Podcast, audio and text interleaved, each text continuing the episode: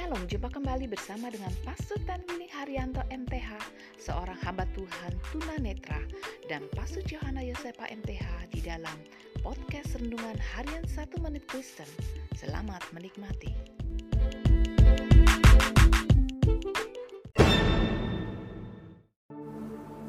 Shalom saudara-saudara yang sangat berharga di hati Tuhan. Firman Allah hari ini mau mengingatkan kepada kita, janganlah berfokus pada keterbatasan kita.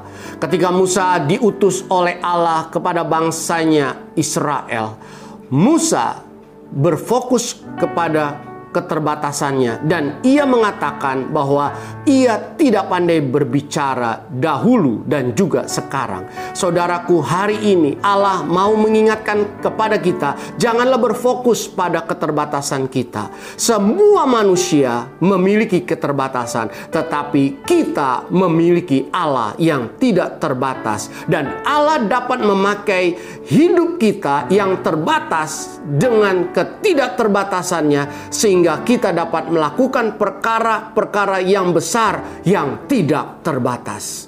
Untuk itu, berfokuslah kepada Allah yang tidak terbatas dan jangan kepada diri kita yang terbatas. Amin.